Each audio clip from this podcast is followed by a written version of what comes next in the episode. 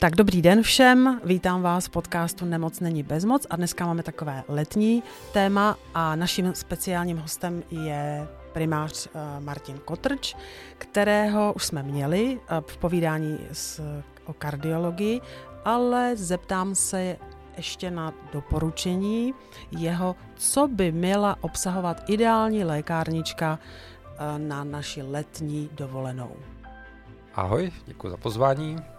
Tento dotaz bývá docela častý právě v letních měsících. Nejčastěji se s ním potýkají v lékárně, který by vám správně uh, odpověděli. Já, když doporučuji svým kamarádům a známým, nebo i když já se balím na dovolenou, tak je v podstatě nejlepší postavit se před zrcadlo, podívat se hlava, nožky, břicho a všechno, co bych mohl potřebovat. Takže začínám to, co mě trápí nejvíc, častokrát bolesti, vzít si jedna, jedny, dvě analgetika, může být při dehydrataci, velkém teplu, uh, vzít si třeba ibalgin, mm-hmm. ibuprofen spolu s paracetamolem, který bývá i na horečky. Takže uh, paralen, to, co je přesně tak dostupné. Dostupné v lékárně? Pak samozřejmě, pokud jsou nějaké zažívací potíže a člověk na ně trpí, tak vzít si něco na bolesti žaludku, mm. uh, černé uhlí, smektu. Pokud pacient trpí průjmy, tak je dobré mít sebou něco pro uh, průmluvité onemocnění, uh, i samotné černé uhlí, nebo lopakut, uh, endiaron, těch, těch mhm. výrobků je více. Pokud samozřejmě trpíme na říhání, pálení žáhy, tak sebou málox, rený, něco přece jdeme do jiného prostředí hmm. a ta strava nám nemusí sednout. Tím pádem máme vyřešený gastrointestinální. Ještě mě napadá zácpa, jestli jsi to zmiňoval. Tak Určitě, tak můžeme náš. si sebou vzít uh, samozřejmě uh, bandasku luhačovické vody. Uh, přímo, že bychom si brali Gutalax, mm. to asi tak až nedoporučuju, protože tam je větší riziko, pokud se to spojí dehydratací, Aha. že pacient si může rozhodit uh, jen tou balanci a může si naopak i ublížit. Mm-hmm. Zácpa může být při déle trvajících letech a při dehydrataci. Ano. Tam doporučuji hodně se hydratovat. Jít. A pokud někdo skutečně na to trpí, ať se domluví nebo zkusí poradit se svým gastroenterologem. Máme i projímadla, ale úplně automaticky asi není potřeba balit hmm. pro běžného člověka do balíčku. Takže gastrointestinální máme trávící trakt za sebou. Tak máme bolesti. Ano. Pak jsou to, pokud trpíme na infekci očí, měly by to být třeba oftalmoseptonex nebo jenom kapky a takzvaně umělé slzy, slzy. když mm. Trpíme na iritaci. Teď v podstatě veškeré vnitřní prostory jsou klimatizovány, mm. takže je lepší si brát. V letadle. Uh, přesně tak. K vlastně ke kapkám já doporučuji, a teď i přes covidovou dobu a různým názorům, je třeba i respirátor. A teď ne z důvodu ochrany jenom proti virovým onemocněním, ale trošku to brzdí a takový ten dopad toho suchého vzduchu z klimatizace, protože ten respirátor trošku udržuje vlhkost mm-hmm. v, kolem vlastně nosu a tím pádem se nevysušuje sliznice v nose. Tomu doporučuji kapky do nosu, protože samozřejmě nastydnutí ze změnou klimatu může nastat a spíš než eh, partnerce partnerovi chrápat, tak je lepší ten nos si zprůchodnit. Mm-hmm.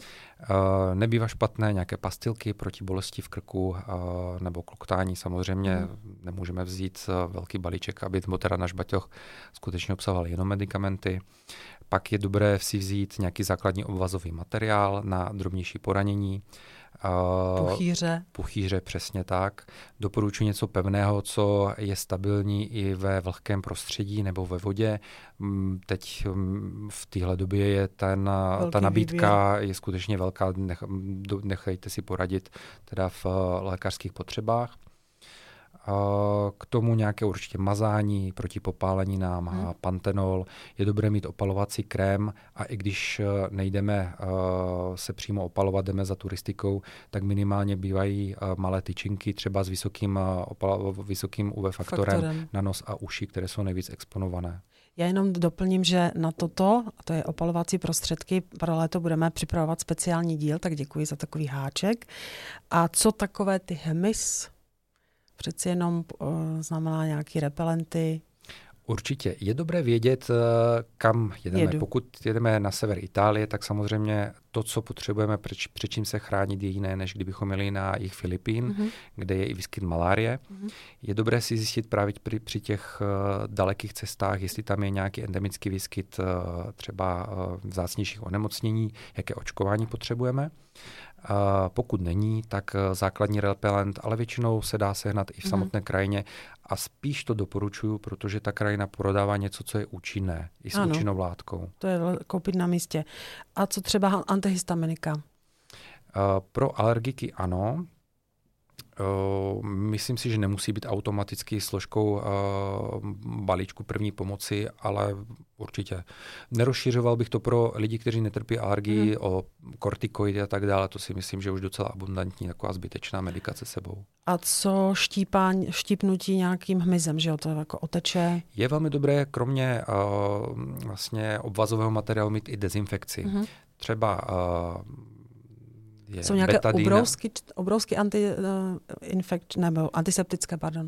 Uh, ano, tady ale doporučuji klasickou ano. například betadínu, uh-huh. klasickou dezinfekci, mít několik sterilních čtverečků, které se dají přiložit jemně vlastně si jenom tu ráno vyčistit. Uh-huh. Pokud je to něco, co se nám nezdá, tak samozřejmě bychom měli navštívit lékař, lékaře v, místě. daném místě. Uh-huh. Pokud je to něco menšího, Eh, existují nyní třeba urgostrips, které dokážou eh, zacelit i menší oděrky, mhm. ranky mm.